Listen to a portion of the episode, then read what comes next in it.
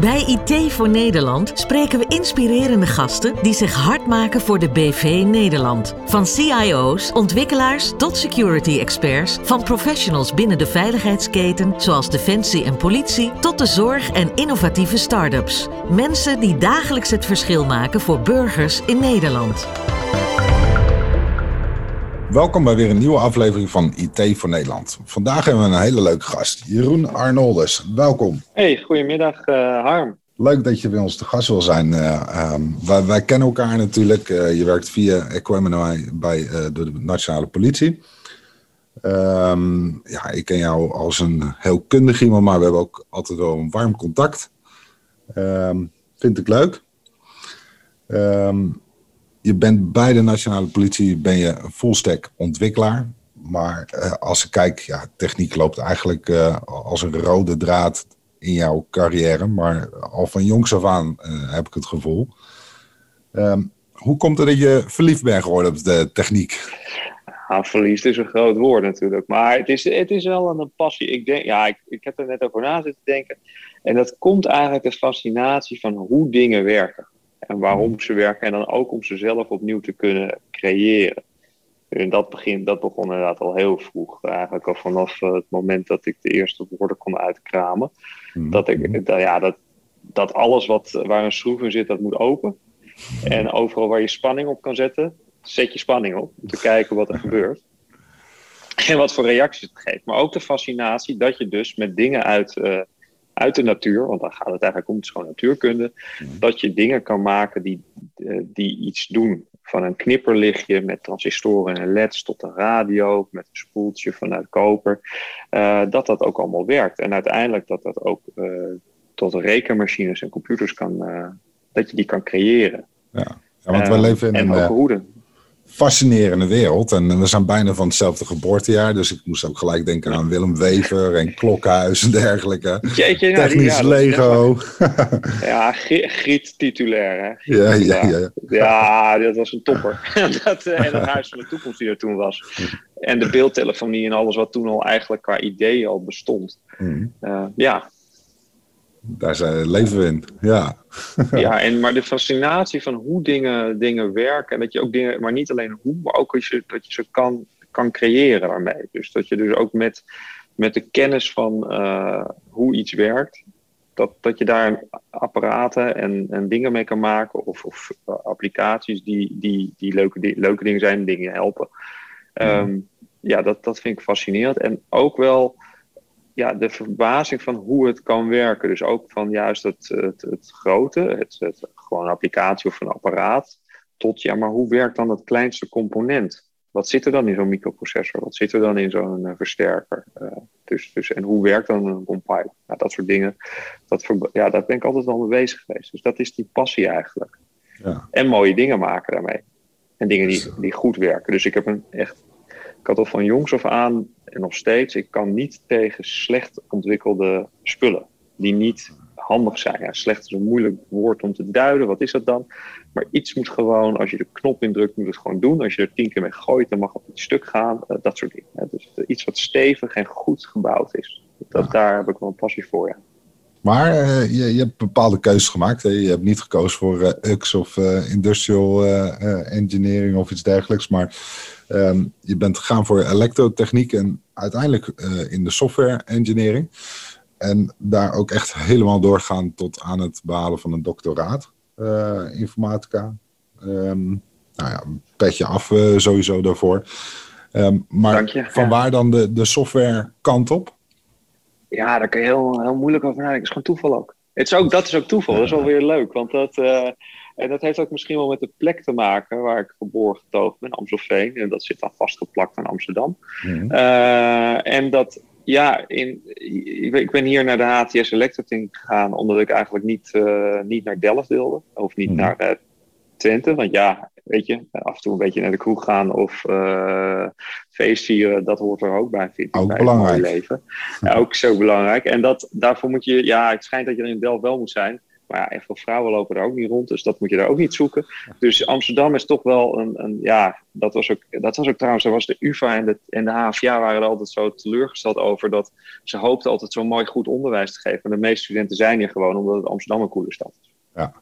Dus ja, dus je, je, wil, je wil die zijn. Dus tenminste, als student leek me dat heel mooi. Ik hoorde ook hele goede verhalen natuurlijk uit Groningen en zo. Dus ik wil niet elke stad zeggen. Maar dus toen dacht ik, ja, dan is HTS elektrotechniek plus erbij dat uh, eh, HTS ook betekent dingen maken. Dus in tegenstelling tot de, op de TU, eh, waar het eigenlijk op rekenen, rekenen, rekenen gaat. Het creëren van dingen. En ja, toen hadden ze daarna, ja, toen dacht ik, ik ga het, het gewoon bedrijfsleven erin, of in ieder geval dingen doen. Maar ja, je bent jong en er komt iets op je pad dat er, uh, dat er nog een master software engineering was. Ja. En dan kon je net in een jaar kon je zoiets halen. Nou, en toen ben ik daar meegegaan. En uiteindelijk ook zo de promotie ingerold. En ook wel gebiologeerd geraakt over door compilerbouw. Dus eigenlijk een, een, stuk wat, ik, wat, wat toch altijd magisch is. Je, je pakt op schrijft een stukje software en je drukt op een knop. En dan doet die machine wat in die software geschreven is. En hoe dat exact werkte, dat was altijd zoiets van ja, dat is complex, dat moet je niet willen weten, er komt gewoon die binaries uit. En dat dat tijdens die colleges toch, dat het duidelijk werd hoe, het hoe dat werkt. En dat tijdens de promotie ook echt fundamenteel daar nog een stukje inzicht heb kunnen vergaren. Ja, dat heeft me wel heel erg bezig gehouden. Van, ja, vond ik, vond ik echt een mooie tijd. Heb ik veel geleerd over hoe dat werkt. Dus, dat, dus het is ook een beetje toeval geweest. Dus niet alleen, het had ook industriële, uh, ja, of wat is het, uh, werkdag wel kunnen kunnen zijn. Dus dat is mhm. toch een beetje toeval. Maar geen, geen verkeerde keuze, zo lopen dingen. Ja. Maar voor dat laatste stukje promoveren moest je dan toch naar de Technische Universiteit Eindhoven, dus weer uit Amsterdam. Ja, dat, het, ja nou, nou, dat is ook wel weer, ja, mooie constructies komen allemaal voorbij. Ook dat kon ik gelukkig op de, in Amsterdam doen, waarbij ik dan een mhm. paar dagen per week naar, of een één of twee dagen per week naar Eindhoven ging, omdat men toen... Uh, een promotor toen, uh, die, die, was, die heeft me in Amsterdam aangenomen en hij is uh, professor geworden toen in Eindhoven. En zodoende ben ik uiteindelijk in Eindhoven gepromoveerd. Dus dat is Mark van der Brand geweest en dan bij uh, Alexander Serebrenic als co-promotor en Jacob Brunekreef van de HVA. En van Alexander heb ik heel erg veel nog geleerd over de formele logica, hoe je dingen bewijst. Dus daar uiteindelijk nog met formele logica allemaal dingen, dingen bewezen. Ja, dat was een fantastische tijd. Dus eh, heel veel inzicht gekregen in, uh, in hoe om te gaan met uh, taalstructuren, datastructuren en hoe die ook met elkaar verhouden. Wat uiteindelijk ook, om een bruggetje slaan, ook in het werkzame leven steeds weer terugkomt. Zonder dat ik de hele boek open hoef te trekken over alle formele grammatica's en, uh, en de formele taaltheorie. Om, dat leidt tot mooie producten. Ja, ja want uh, mooie producten. Uh, je ontwikkelt full stack. Uh, maar die term hoor je tegenwoordig te pas en te onpas. Wat, uh, wat, wat vind jij zelf een full stack ontwikkelaar? Ja, in het recruitmentwereld hoor je inderdaad veel termen waarvan ik zelf eigenlijk niet altijd snap wat ze betekenen. Dus dat is wel uh, grappig. Dus, dus we kunnen het ook misschien wel omkeren. Hmm. Um, je, je, ja, full stack betekent voor mij dat je niet bang bent om verschillende uh, technieken en uh, onderdelen van een applicatie of systeem aan te raken. Dus van zowel de, de hosting, de DevOps kant, tot en met dat je af en toe wat JavaScript uh, aanraakt of CSS. En dat je ook in alles uh, je weg wel kan vinden. Ja. Maar het grootste onderscheid is vooral dat er mensen zijn die eigenlijk zich maar op één ding richten. Dus je hebt mensen die, uh, die zich vooral richten op bijvoorbeeld databases of mensen die zich richten op alleen maar frontend of alleen maar richten op hosting. En dan kan je eigenlijk zeggen dat het grootste onderscheid is dat die mensen zich niet op andere vlakken snel begeven. En een full stacker, die is niet bang om het probleem wat iemand aan diegene vraagt uh, op te lossen. Welke, welke techniek of welke plek in het systeemlandschap dat ook moet. Dus als het knopje, knopje blauw moet worden en je vraagt dat een full stacker, dan duikt hij waarschijnlijk de CSS-file in of de Vue of de, of de Angular. Mhm. En uh, gaat dat niet proberen via een setting in de database, afhankelijk natuurlijk van wat de vraag is. Maar in ieder geval, uh, ja, breed, breed, uh, breed inzetbaar. Dat is, voor, dat is voor mij full stacker. Ja, maar ik denk dat, dat jij gewoon ook die uitdaging nodig hebt om lekker breed bezig te zijn. Ja, en ik denk ook meer dat het, dat het ook komt omdat je dan blijft leren, verschillende facetten. Dat is inderdaad de uitdaging. Maar aan de andere kant ook, ik vind het niet handig vanuit het klantbelang of vanuit de opdrachtgever of uh, of je interne, ja, wie dat mag zijn. Mhm. En iemand heeft een vraag om een wijziging uit te voeren of een stukje te bouwen. En als je zegt, ja, dat kan ik niet, doen we niet, enzovoort, dat, dat, dat helpt niet dan. Dan denk ik toch van ja, uh, ja dan, uh, dan is het lekker als je wel even die knop in wil drukken voor diegene. En het probleem wil oplossen. Ja. Dus ik hou niet zo van dat, van dat hokjesdenken. Uh, ja, ik denk zeker als je kijkt naar software, het is gewoon een systeem ook. Hè? Dus uh, zoiets moet je ook gewoon holistisch kunnen benaderen. ja, en dat je, zelfs, ja. En, en ook dat als je. Niet op de juiste plek doet, ja, zo, ja, ik val je in de reden, maar dat inderdaad het hmm. holistisch, nou, holistisch, dat, je in ieder geval als je een probleem hebt, dat je het niet probeert op te lossen alleen op het vlakje waar je bezig bent, maar dat je er overheen kan kijken. Hmm. Dus um, eh, bijvoorbeeld door uh, als je performance problemen hebt, dat je niet alleen maar kijkt naar bijvoorbeeld een stukje backend, maar, of, maar dat je ook misschien kan kijken in de frontend. Je kan je het aantal requests reduceren of kan je juist caching toevoegen. In ieder geval dat je erover, of ligt het probleem in de manier waarop je de data gestructureerd hebt voor de vragen die je continu vraagt in de frontend. Hmm. Dus dat, dat als je daardoor, als je daar overheen kan kijken, dan kan je het probleem wat opgelost moet worden, kan je preciezer doen. Wat meestal een stabieler systeem oplevert, wat minder snel stuk gaat en wat waarschijnlijk ook nog wat beter uh, te onderhouden is. Maar, en, en uiteindelijk goedkoper en goedkoper in uitvoering. Want je doet waarschijnlijk dat je met een, uh, met een kleine wijziging een groot resultaat neerzet dan. Hmm. Ja, want um, nou, raak je iets aan wat uh, ik eigenlijk ook even met je wil bespreken. Um, je, je bent ook Q&A lead geweest, dus Quality Assurance. Um, ja, consultant meer. Ja, ja precies. Nou, daar, daar heb je best wel heel wat ja. uh, adviestrajecten gedraaid, juist om ook naar die softwarekwaliteit te kijken. Uh, nu heb je daar natuurlijk heel veel uh, kennis überhaupt van. maar ik ken jou ook iemand die een heel duidelijke mening hebt. Um, de, de, dus, dus ja, ik ben wel benieuwd hoe jij daarnaar kijkt qua softwarekwaliteit. Je hebt natuurlijk allerlei principes waar je aan kunt houden. Uh, do not repeat yourself, solid. Um, maar goed onderhoudbare producten. Wanneer is softwarekwaliteit, wanneer, wanneer is die kwaliteit goed? Wanneer is het goed? Nou, dat is, een, dat is altijd een goede vraag, want dan kan je dat zo makkelijk duiden. Nou, ik, ook ja, ik ben inderdaad een paar jaar na mijn promotie gewerkt in, uh, in advies van softwarekwaliteit. En daar hebben ze geprobeerd inderdaad bij dat bedrijf dat te duiden. Mijn conclusie is, je kan het niet duiden. Dus dan kom je toch snel op die filosofische kwestie terecht van wat is de goede kwaliteit. En dan kom je bij wijn of zo terecht. En de ene wijn is lekker en de ander niet. En als je gaat zeggen, ja waarom dan, dan weet je niet. Dus, dus wat is, maar daar heb je natuurlijk niet zoveel aan als je beslissingen moet nemen. Je kan zeggen van uh, software is goed als het, uh, als het functioneert. Dus zoals het, uh, nou wij zitten nu met Zoom te bellen. Dat doen we nu al een minuutje of vijf tot tien. Doet het best goed. Het is nog niet uitgevallen, werkt gewoon.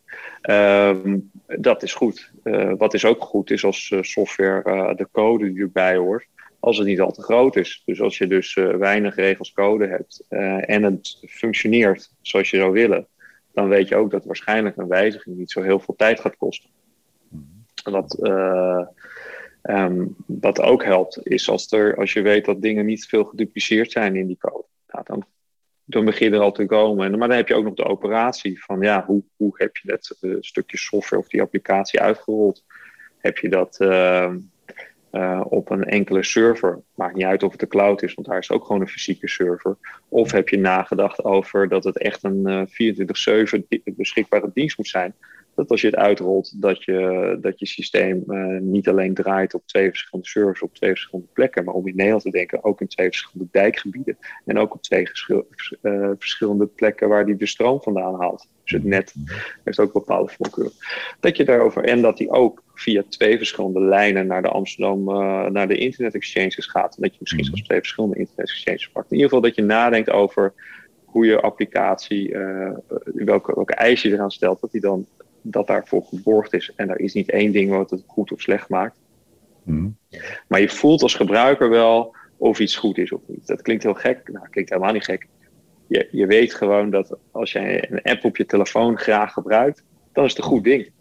Ja, ja precies. Maar um, tegenwoordig zie je natuurlijk ook, hè, dus denk aan, je, je hebt allerlei teams worden opgeschaald. En dan heb je natuurlijk mensen die er weer over gaan van, nou, goh, uh, welke zullen we in, dienst nemen of inhuren? Worden de budgetten aangesteld? Uh, en dan zie je dat mensen uiteindelijk ook kijken van, ja, uh, we gaan vijf ontwikkelaars inhuren. en daar budgetteren we 80 euro per uur voor. Um, terwijl ik wel eens denk van, nou ja, misschien kun je wel met drie developers die 100 euro per uur kosten, misschien wel meer bereiken. uiteindelijk zegt dat uurtarief gewoon weer, weer niks. Um, en schrijft iemand misschien of, of meer regels code of ja, minder is... regels code. Uh, ja, dit is, ja, dit is wel een, een, hele leuke, want dan heb je het over het opzetten van teams. Dat heb ik in, in lichte vorm wel gedaan in mijn vorige opdrachten. Um, eigenlijk een beetje zijdelings. Ik heb nooit de leadrol op dat niveau uh, aangenomen, maar wel, de, wel af en toe bij sollicitatieprocedures gezeten als de andere mhm. kant. En mhm. dat is een moeilijk ding. Van hoe huur je uh, je. Kijk, iedereen die schrijft een cv waar al die technieken wel op staan. Dat is het probleem niet. Ze hebben allemaal werkervaring. Daar zit het brein ook niet. Dus je zit al met een probleem van hoe ga je daar uitvissen dat je iemand inhuurt die jou helpt. Nou, het valt me sowieso op dat, uh, dat er veel mensen zich aanbieden uh, ja, zonder, zonder een, eh, een, een, een, hogere opleiding. Dus eigenlijk gewoon uh, zij-instromers.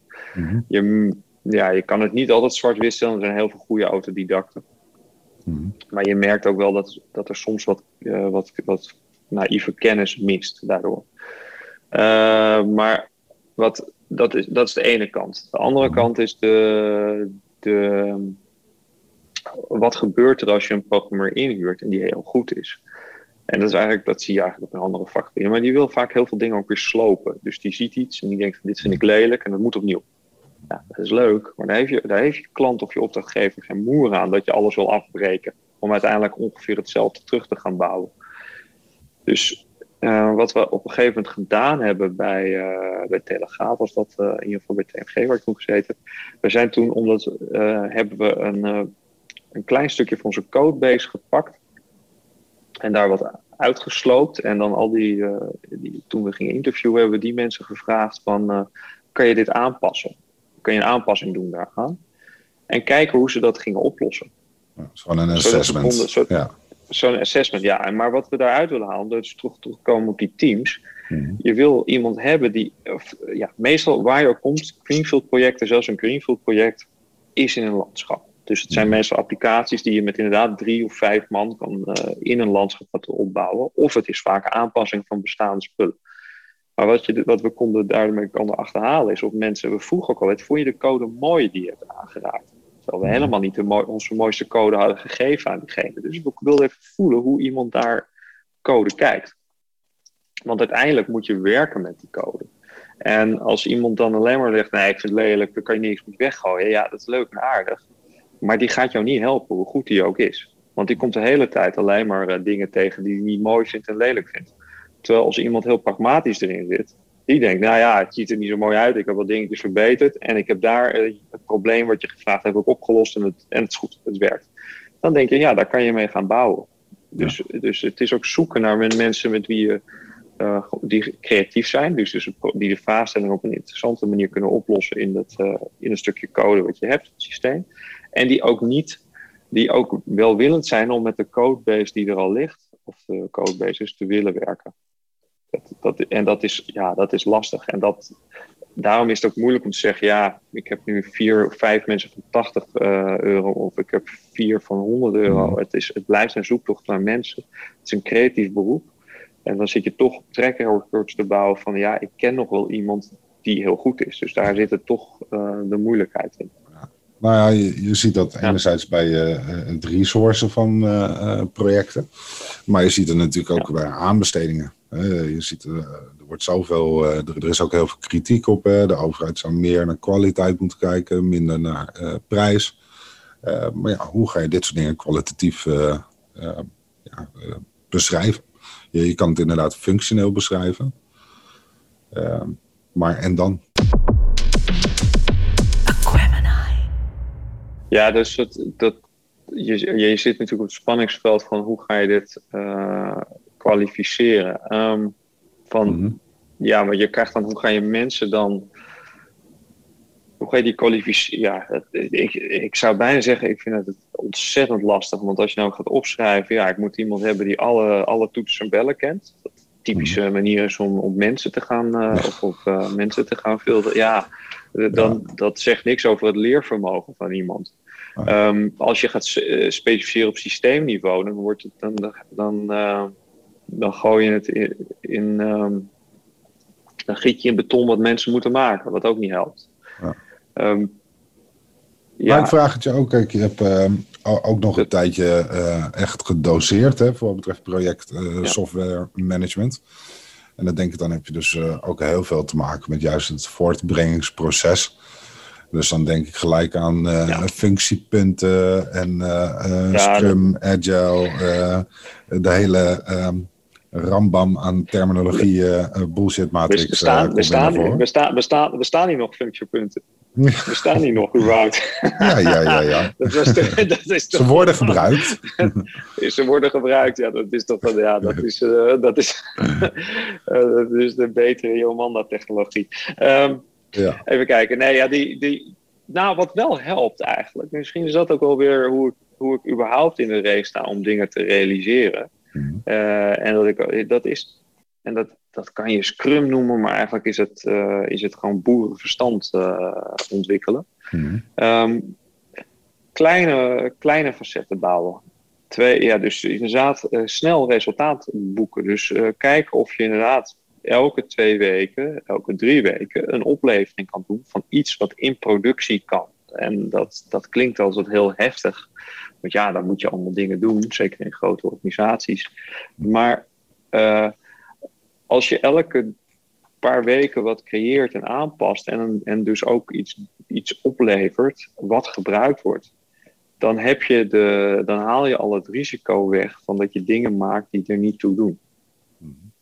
En die ook niet werken, die niet gaan werken.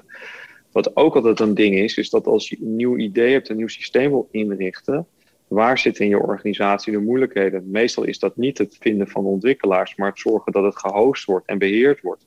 Waarom regel je dat dan niet eerst? Dus dat eerst aanvragen. Je weet sowieso dat het vaak weken tot maanden duurt voordat het geregeld is. Dus dan kan je in de tussentijd kan je beginnen met het team bij elkaar te sprokkelen. Of uh, met de eerste code te schrijven. Maar het, wat, je, wat een beetje het paard achter de wagen spannen, is eerst je systeem ontwikkelen. Het werkt leuk op, uh, op allemaal development uh, laptops, machines. En dan moet het in productie en dan ben je weer een half jaar verder omdat je de clearing nergens Ja, dus een soort nageboorte. Dus, en de, dus, dus de ja, volgorde van en, dingen is één. De volgorde is dingen. En nog erger, dan blijkt dat het applicatie zoals je die bedacht hebt, dat die niet eens gehost kan worden. Omdat de versies anders zijn van iets. Of dat de netwerkstructuur de manier van ontwikkeling niet toestaat. Of dat bepaalde firewalls, omdat je dan weer geen verzinnen het zo gek nog niet. Dus, het is, dus, dus je kan heel veel winnen door, door, dat, uh, door te denken vanuit de live productie. Het moet uiteindelijk op dat podium terechtkomen. Ja. En dan ga je mensen erbij zoeken die, die, dat, die, dat, die dat kunnen. Nou, dat is natuurlijk de. Ja, dan uh, kan je altijd met een aantal seniors en mediors kom je altijd een heel eind. Misschien een junior erbij als je nog wat uh, wil opleiden. Mm. Um, en dan krijg je al vanzelf verdeling. Ik denk dat je meestal met een team tussen de vijf en zeven man, maar eigenlijk vanaf drie man kan je al een leuke applicatie bouwen. En teams groter dan zeven man, als je, dan die lopen elkaar alleen maar in de weg. Dus dat zie je ook veel gebeuren. Dat je dus teams hebt die worden maar opgeschaald en opgeschaald, omdat er dan meer werk wordt verzet. Maar vanaf uh, zeven man in dezelfde codebase, dat is eigenlijk is dat al, ja, eigenlijk is vijf man in dezelfde codebase al veel. Ja. Dan zie je toch dat het gaat schuren. Zeker als er te weinig werk is. Ja. Nou, dan zie je dus, natuurlijk uh, scaled agile dat weer opgeknipt wordt in verschillende teams. Ja. Um, ja. Want op zich is daar wel ja. heel veel terrein gewonnen, denk ik. Hè? Um, als je kijkt qua gedachtegoed uh, waar je het over hebt, dan heb je natuurlijk over agile, ja, extreme program dat, en dat, dat, soort dingen. Dat is, dat is, dat um, is een beetje het agile idee, ja. ja. Maar je hebt het ook in de hele beeldstraat. Er wordt natuurlijk uh, heel veel, uh, ja, gewoon, gewoon continu ook al op doorontwikkeld, tenminste bij de meeste organisaties. Uh, dus dat kort iteratief. Uh, ja, en dan zie je ook nog de beweging met cloud, hè, waarbij je wellicht ook gewoon dingen sneller aan platform voor hebt. Ehm, ja. Dat helpt wel, denk ik, om, om kort uh, snel is... iteratief bezig te zijn. En dan nog zit dat is niet, ja, en zelfs daar, ja, dat helpt. En dan toch moet je beginnen met die deploymentstraat en niet beginnen met de code. Dus stel je wil een applicatie schrijven, een, uh, een dagboeksysteem of een, uh, ik verzin iets geks hoor, maar wat heb je nou voor systeem? Uh, een BTW, ja, een, een, simpel, een, een, applicatie ergens in je, in je landschap. Um, dat je dan toch eerst die, die, die runners gaat regelen in jouw cloud of de runners op waar je normaal host. En dat je de, de, de hosting regelt. Want dan ga je erachter komen dat het beheer van die systemen, of van die accounts, helemaal niet bij jouw afdeling liggen, maar ergens anders. En dat je toch weer 30 formulieren moet invullen met 20 stempels. Dus die, uh, ondanks dat die cloud genoemd is, wil dat niet zeggen dat die, uh, dat, dat dat probleem van die administratie oplost. Uiteindelijk moeten er gewoon machines zijn. Of er moet in ieder geval een machine uh, virtueel geregeld worden. Dus je, trekt dat, je wil dat naar voren trekken. Want uh, die machines uh, die gaan natuurlijk steeds vaker in de cloud. Ehm, ja. Hoe kijk je naar dat soort bewegingen? Want uh, ja, dat is eigenlijk van, van bijna alle tijden centraliseren, decentraliseren. Um. Dus, ja, de, de, de vraag is wat, wat, wat, wat gaat die cloud voor jou doen? cloud is een, een hele mooie term. Hmm.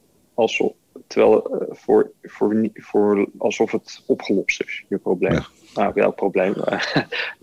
Uiteindelijk is, een, is, is cloud niks anders dan een, een, hal waar ook heel veel machines staan die je huurt. Dus het is, het is eigenlijk niks eh, vanuit uh, de optiek van uh, financiën kijken, dat je van capital intensive, van capex naar opex gaat, dus van kapitaal intensief mm. naar operationeel intensief, dus kosten gaat. Mm. Ja. Ja, ehm, dat, maar je ziet natuurlijk wel. Uh, kijk, enerzijds heb je natuurlijk uh, vanuit. Dat, dat is het groot verschil. Ja, maar, ja, klopt. Maar vanuit de businessgedachte is ook vaak uh, een deel van de complexiteit leggen we dan eigenlijk ergens neer bij een partij die dat stukje ja, dat gespecialiseerd is. is. Dat, is, dat hangt er vanaf wat je cloud noemt. Kijk, als je inderdaad een, een echte totale applicatie afneemt, ja, dan besteed je het uit. Of nou, besteed je het uit. Dus, dus als je die wat is het bijvoorbeeld Office 365 of, uh, of je hebt een time tracker die je extern inkoopt of allemaal dat soort mhm. tools. Mhm. Ja, dan hoef je dan, maar dat, vroeger kocht je daar een applicatie voor die je zelf op de machine installeerde, maar dat, dat is dan uitbesteed. Alleen als jij applicaties zelf ontwikkelt en je moet ze op de cloud hosten, dan, uh, besteed je helemaal niks aan complexiteit uit. Misschien krijg je wel extra complexiteit terug. Dat is, uh, dat is niet uh, het belangrijkste. Het, uh, ik moet eerlijk zeggen, ik vind de winst van cloud naar de cloud gaan ook flinterdun. Nog erger, ik denk dat je het meeste, de meeste plekken zelfs verlies maakt. Um, maar mensen willen dat niet zien, want het klinkt niet hip. Nee, klopt. Ja, we hebben ook verschillende studies daarnaar gedaan en verschillende business cases die echt niet rond te maken waren met, met cloud. Ja. Nee, het is duur. Cloud is best wel duur, zeker als je opslag hebt. Kijk, en wat wel goed is, maar dat is, heeft niks zozeer met de cloud te maken. Of wat wel interessant is, het hele concept van virtuele machines en uh, uiteindelijk ook soms in sommige gevallen containers. Ook ben ik zelf niet mhm. een 100% fan van het hele docker. Maar het idee daarachter dat je dingen in virtuele omgevingen draait, dat is, uh, dat is fantastisch. Maar dan kun je op je eigen hart mee draaien. Maar dat is het idee dat je inderdaad. Um, je, dat je een machine, dat je per applicatie of per service één machine op kan spinnen. Dat, mhm. eh, dat is natuurlijk dat is fantastisch. Dat werkt ook heel goed. Dat is ook goed beheersbaar. Dat is ook uh, semi-makkelijk te schalen. Het wordt gezegd dat het zo makkelijk schaalbaar is, maar je moet natuurlijk de software er wel voor schrijven dat die daar geschikt voor is. Nou, en cloud um, wordt vaak altijd, mensen die zeggen het en die bedoelen ze altijd dan public, terwijl de cloud in principe ja. natuurlijk ook gewoon bij jezelf uh, kan staan. En ja, dus bij jezelf kan staan. Dus gewoon, ja, die facetten zijn heel legitiem. Ja. ja, ik vind het heel logisch dat, dat je uh, dat je uitgezonderd dat je misschien wat doet met, uh, met AI, waar je veel op moet rekenen, of wat videobewerking of dat soort zaken. Dat je, of dat je een hele zware database queries wil kunnen draaien, dat je weinig barebone software nog draait. Dus je, dat je echt direct op bepaalde hardware moet draaien. En dan is, dan is, dan is de cloud natuurlijk, van, of tenminste, dan is virtualisatie is gewoon een, is fantastisch. Ja. Dus, dus als dat de cloud is, ja, dat is. Dat is maar ook daar zul je zien, je moet ze aanvragen. Dus als je dus virtuele machines nodig hebt, moet gewoon aangevraagd worden, moet geregeld worden. Dus dat wil je naar voren trekken. En je noemde ja, net even tussen neus en lippen. Ik ben eigenlijk niet zo fan van containeriseren, uh, Docker. Ja, um, nee, nee, het is... Nee, Docker, ik... Uh, nee, het is een single process ding. Ik, het, het geeft je heel veel extra... als jij een applicatie hebt die uit meerdere processen bestaat... wat eigenlijk al een gemiddelde webapplicatie is Mhm. Database, webserver, of uh, nee, applicatieserver, webserver. Misschien nog wel een RabbitMQ'tje erbij, of in ieder geval een queue-dienst. Noem maar wat gekke dingen bij elkaar. Mhm. Ben je al vier, vijf containers verder. Ja. En dan moet je die dingen nog aan elkaar knopen, wat weer met een interne nat ding gebeurt. Ik snap, ja, ik, wie dat bedacht heeft, is niet mijn ding. Um, dus uh, ik, ik, ik, het idee dat het single process bedacht is, dat is, uh, ja, ik, ik, ben er niet, uh, ik ben er niet kapot van. Dus ik zie, dat, ik zie dat ook niet verder komen. Het is prima als je dus webservers op spinnen of iets dergelijks, maar niet, niet om hele applicaties in te hosten. Nee, precies. Ja, ik denk inderdaad van microservices, dat soort dingen. Dus er zijn best wel heel veel cases wellicht voor te maken. En vanuit security oogpunt natuurlijk. Ehm, dat, ja, security, dat weet ik niet. Dat is dat, dat, vind ik, dat vind ik zelfs moeilijk te zeggen of Docker je gaat helpen of dat soort dingen bij security. Maar goed, het is meer dat het dus. Ik, ik, ik denk. Mhm. Ik, hou, ik ben wel gecharmeerd van uh, een virtuele machine die, uh, waar je meer. Ja, het grootste punt met Docker is dat je maar één proces kan draaien in een container. Kijk, als je er meerdere processen in zou kan draaien en die met elkaar verbonden zijn, dus uh, wat heel gebruikelijk is, is om een webserver te hebben en daarachter je applicatieservers zijn toch twee processen, soms of, uh, meerdere zelfs, want je burgers, dat je die dan in één omgeving draait, dan hoort, dat hoort bij elkaar. En uh, Docker containers ondersteunen dat niet. Met Kubernetes heb ik nooit gewerkt, of die dat wel ondersteunen, dat weet ik niet. Op zich, uh, het werkt wel mooi dat je dat soort, als je dus zo'n PHP-applicatie hebt, dat je die in één klap in een Kubernetes host kan weg, wegzetten. Mm-hmm. Maar voor complexe ja, ik heb er eigenlijk daar net te weinig ervaring mee, maar ik uh, word er niet altijd vrolijk van om dingen te debuggen in een Docker-omgeving. Nee, nog niet enthousiast van in ieder geval. Nee, ik word niet, niet alsof dat de wereld gaat verbeteren, laat ik het zo stellen. Maar, ik weet wel waar je wel enthousiast van uh, wordt tegenwoordig. Dat is natuurlijk het hele low-code, uh, no-code verhaal. Ja, top. ja, ja, nou ja, kijk. Nou, weet je waar ik enthousiast van word? Van, en dan kunnen we daarna weer wat dingen gaan. Dingen. Dat is eigenlijk als je kijkt naar, naar, naar de, de Unix-omgeving, Python. Ja, en. Um, en de, nou, de, ja, nee, ja, nee, maar eigenlijk van, van als je kijkt naar gewoon sen, naar volwassen programmeertalen hmm. en de bibliotheken die erbij zitten, dat je met ontzettend weinig code, en dat is niet low-code, dat is gewoon programmeertalen, dat is gewoon een derde generatie taal dat je prachtige applicaties kan schrijven. Met weinig regels. Die goed leesbaar zijn. Dus we zien dat het als je kijkt, en zeker als je. Um, dat, dat je die dingen, die trucendoos allemaal niet nodig hebt om goed te kunnen programmeren. Dus die maar die trucendoos is dan denk ik ook een beetje gemaakt voor de business. Uh, die echt vanuit functioneel denkt, maar eigenlijk ook niet echt helemaal weet hoe programmeren werkt. Misschien uh, vroeger ooit eens VBA heb ja. uh, aangehaakt. Ehm, ja, en, en, dingen wil. Ja, en dan loop je toch uiteindelijk vast in het, in het eigenlijk een, een conceptueel ding. Um, en dat, dat gaat no-code of low-code of wat het ook mag zijn, want ik weet niet exact wat het is, maar als ik denk dat het model-driven engineering is in een, nieuwe, in een nieuw jasje.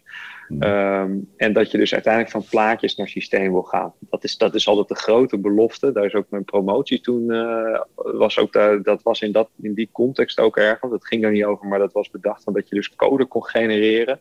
En dan kon je met, als je zei, ik wil, ik wil een... Uh, ik wil een Instagram-app hebben en dan riep je dat naar je computer en dan zou je die software hebben. Dat, dat is het, ja, uiteindelijk gaat dat niet, niet zo werken. Je moet die computer wel vertellen hoe dat in elkaar zit.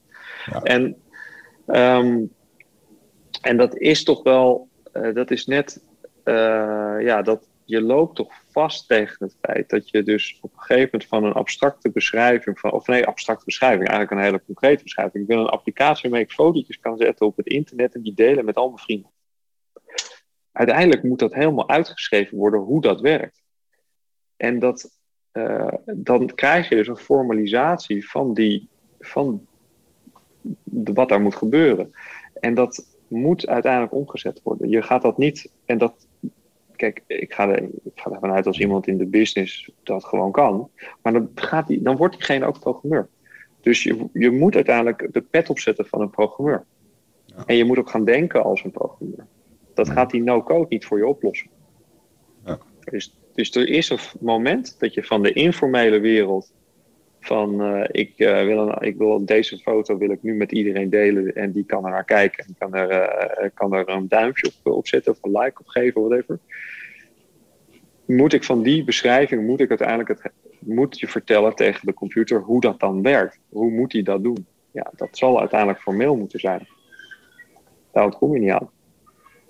Maar als je dan dus eigenlijk zeg je dat een requirement engineer, als die het goed zou uh, doen en uh, een functionele imperatieve taal zou schrijven, dan uh, is hij eigenlijk aan het programmeren. is hij aan het programmeren. En dat is ook exact die interessant, dat is, dat is ook exact de overgang. Dus als je dan toch requirements engineering mm -hmm. gaat, er is een moment dat die beschrijving omgaat van de uh, de informele naar de formele wereld, maar zo te zeggen. En met mhm. informeel bedoel ik uh, vanuit dezelfde beschrijving als formele taal en informele taal. Computertalen zijn formeel, die zijn strikt, hebben, als het goed is, is niet helemaal waar, een eenduidige betekenis. En informele talen, zoals wat wij nu spreken, Nederlands, Engels, noem het maar op, die, dat, daar, kan je mee, daar kun je poëzie mee schrijven. Hmm. En die overgang naar die strikte mathematische wereld, daar moet die vertaling plaatsvinden. Je moet, daar zit die vertaling dat je computer kan niet denken.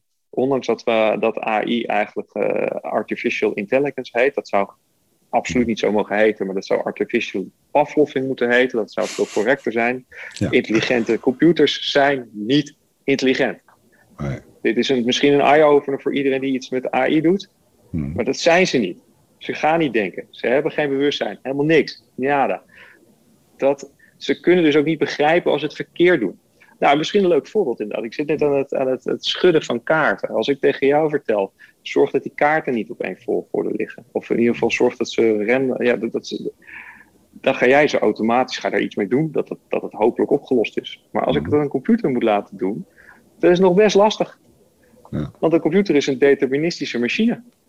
Ja. Die gaat heel precies die kaarten ordenen. Oh, dus, je moet, dus hoe ga je zorgen dat die computer die kaarten uh, in, een, in een willekeurige volgorde gaat leggen? Dus nou, het kan uiteindelijk natuurlijk uh, trekken van vertonen, waardoor wij, uh, net als een goocheltruc waarin iets verdwenen zou zijn, dat je de illusie creëert dat iets bewustzijn heeft.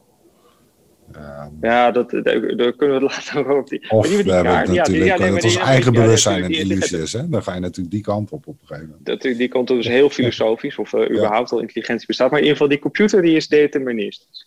Die, die doet dingen zoals die beschreven zijn. En je moet die, dus inderdaad, dat leuke voorbeeld, kaarten moeten. Ik denk dat het is een rotsvraag om te stellen aan iemand. Maak maar een programmaatje die. Uh, die zorgt dat, kaart, dat de kaarten geschud zijn. Dus je geeft een lijst en uh, zegt tegen diegene dat die lijst willekeurig geordend moet eindigen. Mhm. En uh, dat, dat, dan kom je al op de kent de computer willekeur. Het is super filosofisch inderdaad. Dan heb je een random generator nodig. Nou, die random generator blijkt het eigenlijk nog best wel lastig zijn om daar een willekeurige van te maken. Die echt de random getallen opgeeft. En dat is dus ook de, de, de grap van die requirements naar het programmeren. Mm. Daar moet je dus.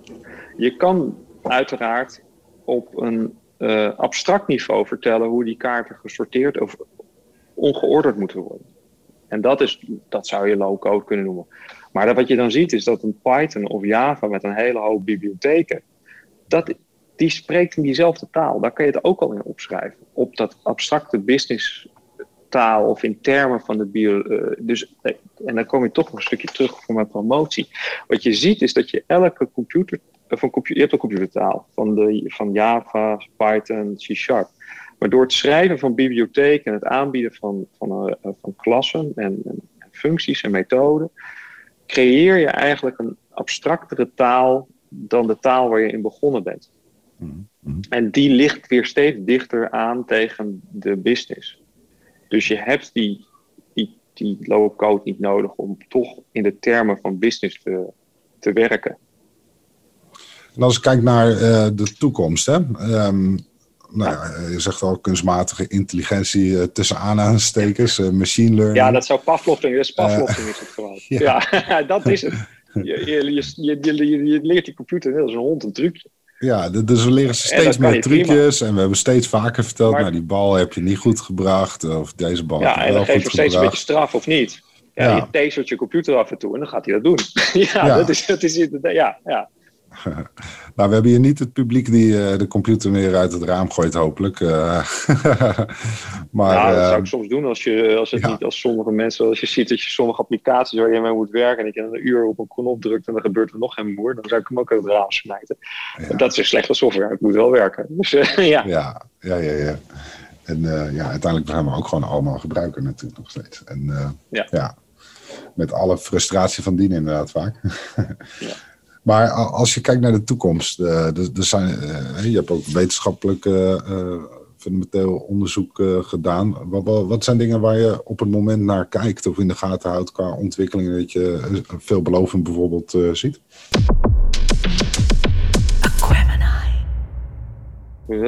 veelbelovend. Dat, ik moet eerlijk zeggen, ik, ik vraag me af waar of er veel verandert nu in de toekomst eigenlijk? Ehm, nou, wat misschien wel interessant is, je ziet nu de beweging dat heel veel echt naar webapplicaties gaat, wat op zich natuurlijk uh, niks mis mee is. Dus, dus mhm. alles uh, wordt uh, web gebaseerd. Of steeds niet alles.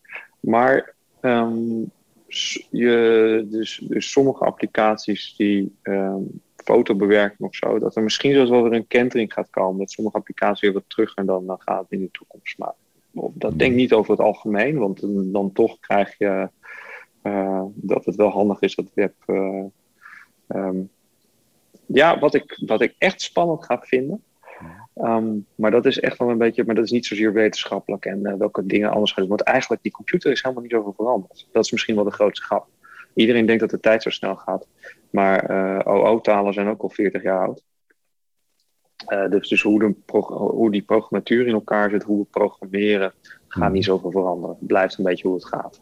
Um, wat, uh, wat, wel, uh, wat ik wel interessant vind is of bijvoorbeeld of er niet toch een, een of het niet rijp wordt voor bijvoorbeeld Mac OS X of Mac OS zoals het tegenwoordig heet. Mm -hmm. um, dat uh, was uh, tien jaar geleden wel even een verandering voor uh, dat, het, de, dat het Linux naar de, of Unix naar de, naar de gewone man bracht. Mm. Maar zij beginnen, wat ik zelf merk, aan allerlei kanten trucjes of dingen te vertonen die, die ook bij de, bij de oude Windows-garde aan de hand was. Mm. Waardoor er een ruimte ontstaat voor een nieuw OS. Maar ik zie op korte termijn niemand die dat gat gaat inspringen, waar dat gaat gebeuren. Dus daar gaat misschien de komende tien jaar wat veranderen dat we een nieuw, dat we een nieuw operating system ergens gaan uh, zien, of in ieder geval een nieuwe implementatie. Mm -hmm. Maar wij blijven met z'n allen gewoon op desktops werken, denk ik, op werk. Uh, of al dan niet met een laptop. Ik denk dat, uh, nou, ik denk dat de laptop gaat verdwijnen. eigenlijk.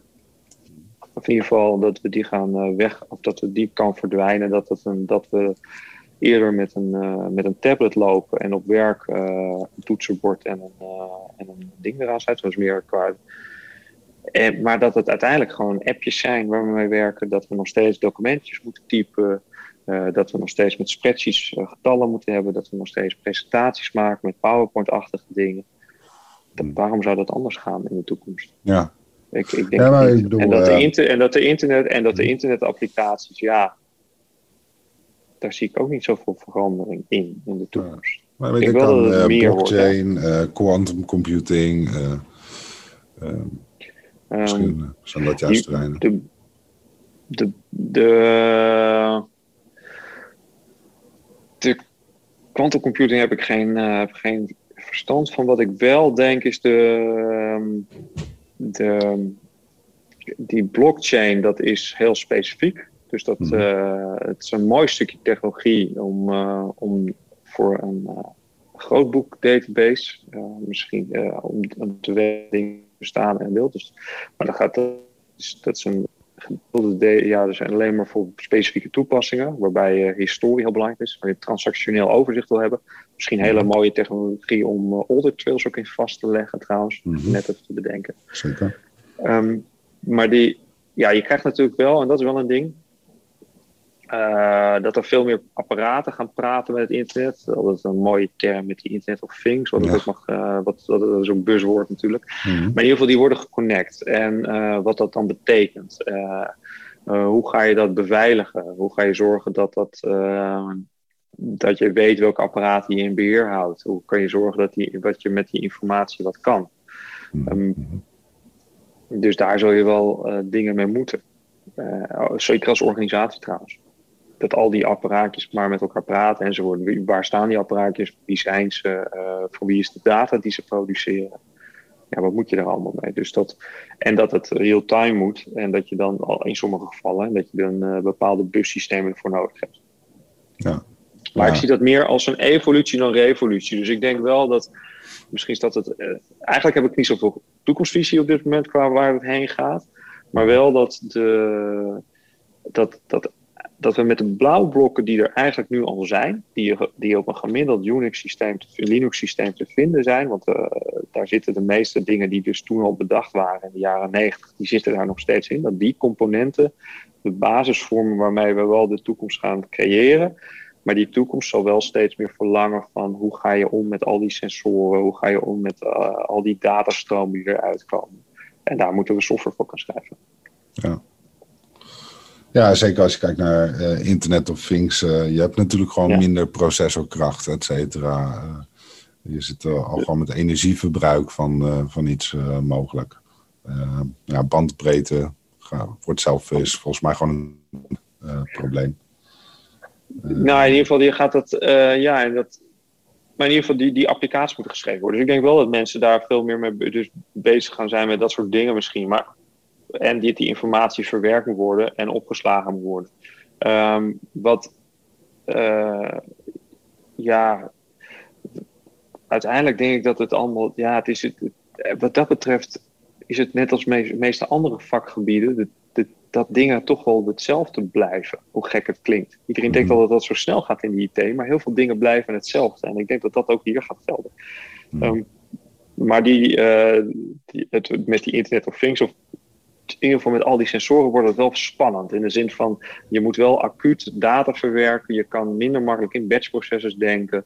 Um, maar wat ook interessant is, is wat doe je met de oude, oude data die je hebt. Dus wat je nu ook wel, uh, nou ik weet niet of, het, of dat iets van nu is, of dat het verleden was het probleem ook al. Maar naarmate we met z'n allen verder gaan in de tijd, zal er meer data geproduceerd zijn. Mm-hmm. Alleen die data die geproduceerd is, kan je die nog wel lezen ja. je nog wel bij. Dus dat blijft ook een uitdaging. Hoe ga je om met je data uit het verleden? Hmm. Um, misschien, ja, daar gaat ook wel misschien wat mee gebeuren. In ieder geval, dan, dat, dat, daar, zal nog een, daar zal ook nog werk in zitten. Of in ieder geval, daar zal dingen vallen. En er staan heel wat servertjes uh, in de omgeving aan, gewoon puur om ooit nog ergens bij te kunnen komen. Ja, of dat, ja, dat, het uitzetten van dingen is spannend. Ja. Dat klopt. Als je dat, dat is trouwens wel een van de spannendste dingen die er is. Ja, het uitzetten van dingen. Um, en, dan, en dan worden die maar gemigreerd en gemigreerd en migreerd. Ja. Maar ik had dat, ik weet niet meer wie dat ooit gezegd heeft, want het, uh, maar ik heb dat meegekregen van iemand die bij een lezing was geweest van een, een of andere van een architect. Volgens mij was hij van Shell, maar dat, ik was er zelf niet bij, maar ik heb die quote wel onthouden. En die zag het softwarearchitectuur van, van zo'n landschap als, uh, die zag het als een stad, als stadsvernieuwing. Waarbij die dus, dat, dat beeld heb ik nog altijd wel in mijn hoofd van dit plaatje, van waar gaat het dan heen? Ja, je hebt een, een, een, een stad vol met gebouwen. Ja, ik, uh, ik kijk toevallig in Amsterdam, daar heb je dan, het is niet zo'n hele oude stad, maar toch de, de oudste gebouwen zijn toch een jaartje of 500 uh, oud, geloof ik. In ieder geval, de stad is 750 jaar, laat, laat de kerk 500 jaar oud zijn. En de nieuwste zijn net af. En daartussenin gebeurt van alles. En je kan niet zeggen, ik ga alles vervangen of ik ga alles. Nee, je, je kan alleen aanwijzen waar uh, moet er onderhoud plaatsvinden, waar ga ik dingen vervangen, waar ga ik dingen aanpassen. En zo kijkt, uh, kijkt, uh, keek diegene ook naar, het, naar zijn softwarelandschap. Dat is een mooie ik denk ook dat we analogie. ook steeds. Ja. Ja. ik weet helaas niet meer van wie die is. Dus, maar dat is inderdaad die analogie. Het voordeel is En- wel dat je veel makkelijker snelwegen door zo'n stad kan leggen. ja, maar dat, dat gaat niet, want er wonen wel mensen. En dat Ja. is ook met die software, of met die systemen. En eh, dat, dat is misschien ook wel met die toekomst van, dat gaat heel veranderen. Nee, want als je weet dat het, dat het, dat het, een, dat het dat ondertussen ons softwarelandschap bestaat uit, uit miljoenen systemen, die, alle, die de afgelopen 40 jaar geschreven zijn. Ja, dat, die, die draaien over 10 jaar, draaien miljoenen van die systemen nog. Ja. Dus er komen wat nieuwe bij. De andere gaan eraf. Dus dat, dat, is, dat gaat in een tendens een bepaalde kant op. Ehm, Ja, zelfs COBOL zal niet verdwijnen. nou ja, maar daar zie je inderdaad, Nee. de lifecycle is denk ik wel eh, de grootste uitdaging waar je altijd eh, De grootste staat. uitdaging. En En zeker En met dus- eh, security eh, eh, natuurlijk Met- eh, dreiging. security, eh, maar ook, dat is wel weer grappig als je teruggaat naar die full stacker. Eh, f- dat is dus iemand die ook niet bang is om af en toe eventjes die diepe grotten van die oude programmatuurkennis in te gaan. Mhm. Mhm. En dus je dus af en toe een applicatie voor je kiezen krijgt, die dus ook tien jaar geleden geschreven is en die toch nog meedraait ergens. Ja. En dat Nou, die. eh, Eh, denk- aan eh, gewoon een bepaald OS die op dat moment, hè, de, dus eh, ouderwetse gedachte is natuurlijk, eh, maar die je nog steeds heel vaak ziet, hè, is van nou het werkt, we gaan het ook niet meer veranderen. En de leverancier die heeft dan ook al zijn handen ervan afgetrokken. Of de klant is eh, niet meegaan met een eh, upgrade of iets dergelijks. En uiteindelijk eh, staan er allerlei dingen aan in een distributie op, Linux die allerlei kwetsbaarheden heeft. Ja, dit waar gaat- nooit meer naar gekeken wordt. Ja, en dit gaat bloedsnel. In de zin dat als je een applicatie inderdaad al een jaar niet meer onderhoudt. Dus nou, neem in ieder geval dus inderdaad een... eh, ja, ik ga het even op mijn eigen expertise gooien van Python dan. In ieder geval die omgeving. Mhm. Je schrijft iets, eh, er zit allemaal onderliggende bibliotheek bij. Je, je, je schrijft dat op een omgeving van Debian. Iets geks. En eh, het werkt. Je hebt de nieuwste bibliotheek gebruikt en je raakt het een jaar niet aan. En dan eh, heb je toevallig in die, eh, heb je daar een API-request, doe je daarmee met de onderliggende bibliotheek, die applicatie. En over een jaar krijg je een opmerking of je er even een aanpassing in kan maken. Ehm, en die applicatie maakt toevallig gebruik van een, eh, van een dienst ergens op het internet. En er is een certificaat verlopen, dus je moet een bibliotheek updaten. Ja. Als je die bibliotheek update, werkt dat weer niet op de juiste Debian-versie. Dus je moet een Debian- Debian-versie upgraden. Op dat moment valt, vallen andere subbibliotheken ook op. Oftewel, in een jaar tijd kan je al in die dependency hel als het ware terechtkomen. Mhm. En dat, dan hebben we het over een, over een stukje software wat maar een jaar oud is. En dat Ja. gebeurt in andere, in Java-omgeving gebeurt het ook in C-Sharp ook. Maakt allemaal niet zoveel uit. Maar het is je ziet het wel gebeuren. Dus ehm, dat, dat is een, dat, als je dus iets van tien jaar oud hebt wat nog ergens draait. En dan moet een aanpassing in plaatsvinden. Of, of de machine moet geüpdate worden. Je hebt een probleem. En dat brengt me ook nog wel een terug tot een eh, punt wat ik in, eh, tijdens mijn software engineering heb meegekregen Mhm. van, eh, van mijn docenten toen de tijd. Sla naast je code ook eigenlijk als je compilers gebruikt of de runtime omgeving, back die ook op, sla die ook op. Dus je compiler, je code je, ehm, of je onderliggende bibliotheken, die horen bij je code. Je code is niet, staat niet op zichzelf. Zonder compiler is je code waardeloos. En dan kan je zeggen, ja, die compiler heb ik van het internet gehad, want het was open source. Klopt, staan vaak ook nog wel lang gearchiveerd. Maar als het niet meer te krijgen is, dan zit je ermee. Dat je dus een, en zeker voor de wat apartere dingen, Hmm. dan kan je je code dus niet meer compilen. Heb je er niks meer aan. Nee, en ja, mijn vraag eh, eh, gelijk Ja, hardop eh, zit. Nou ja, dat, dat maar Ja. ook inderdaad, ja, dat heeft er wel mee te maken. Van ja, je kan nog zo'n goede CMDB hebben. Maar dan zou je dus inderdaad ook alle versies voor wat betreft dit dergelijke onderliggende onderdelen en relaties ook moeten vastleggen. En dat ook nog eens, ja, eigenlijk heb je een soort nieuwsfeed van nodig. Ehm, die dat soort dingen eigenlijk gewoon heel simpel eh, voor je vaststelt. Ehm, wat daar is dan wijst, eh, wat je aandacht vraagt. Ja, dit is gewoon een heel. eh, ja, dit, dit, dit is een. ehm, Dagtaak. ik weet niet of je dit. Of je Ja. dit of je, ik weet niet of je dit.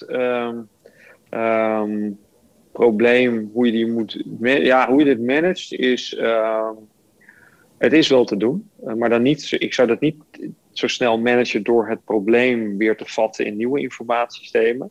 Hmm. Maar wat mij opvalt is als je dus elke vier weken een applicatie opnieuw deployt. Dus dan kom je terug bij je CI/CD-straten. Dus je uh, continuous integration, continuous hmm. deployment.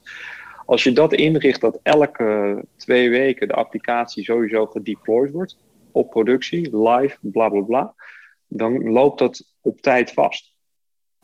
Dan wordt je ontwikkelteam die, dat, die die applicatie in beheer heeft, wordt gedwongen om continu die kleine updates te doen. En dan is er niet zoveel aan de hand. Dan is het makkelijk. Dan is het misschien maar een paar regels code, een beetje poetsen, hier ben je klaar. Het probleem ontstaat als jij dus een jaar lang aan updates achterloopt. Laat staan als je vijf jaar aan updates achterloopt. Dus die, uh, dus die CI/CD die kan helpen om dit probleem uh, uh, manageable te houden. Of om dat in beheer, of om dit, ja, om tijdig te signaleren wanneer je code niet meer mee update. Ja, en dan kom je weer op het andere adagium terecht. Dan moet je ook eigenlijk heel veel uh, geautomatiseerde unit tests hebben om te borgen dat je functionaliteit goed blijft werken. En dan begin je wel weer in richting een volwassen applicatieontwikkeling te kijken. Wat natuurlijk voor veel oude applicaties niet zo is. Ja. Nou ja, dat, dat, maakt inderdaad wel mooi. En heb ik gezegd, die beeldstraten, het is inderdaad dus niet alleen een voortbrenging iteratief, maar het helpt dus ook om inderdaad uh, dependencies uh, ja, vroegtijdig vast te stellen vast te stellen. Ja, dat dat blijft werken. Dat, want als je op beeldstraat loopt, dan mm. kan je het ook aanpassen. Mm. Wat dat betreft is het ook een. Kijkt men vaak alleen naar, naar bijvoorbeeld om de, de aanpasbaarheid van software. Kijkt men alleen voor, bijvoorbeeld alleen naar de codekwaliteit. Mm. Maar vaak is dat niet het grootste probleem. Het grootste probleem om ook aanpassing te maken in de code is om de code gecompileerd te krijgen. En op, en op die plek te krijgen. Dus als jij een, een, een stuk software hebt wat een, wat een half jaar of een jaar lang, of überhaupt voor iemand die uh, op het team zit nog nooit is aangeraakt en die moet een wijziging maken, dan doe je de, de check-out van het, uh, vanuit het versiebeheersysteem. En dan? Hoe krijg ik het gecompiled? Hoe krijg ik het gepackaged? Hoe krijg ik het gedeployed? Mm. Dat zijn vaak grotere of complexere vragen dan het stukje code aanpassen. Nou, zeker. Ik denk dat er sowieso. Uh, ja, er zal doorlopend heel veel werk uh, te, te doen zijn in de software engineering.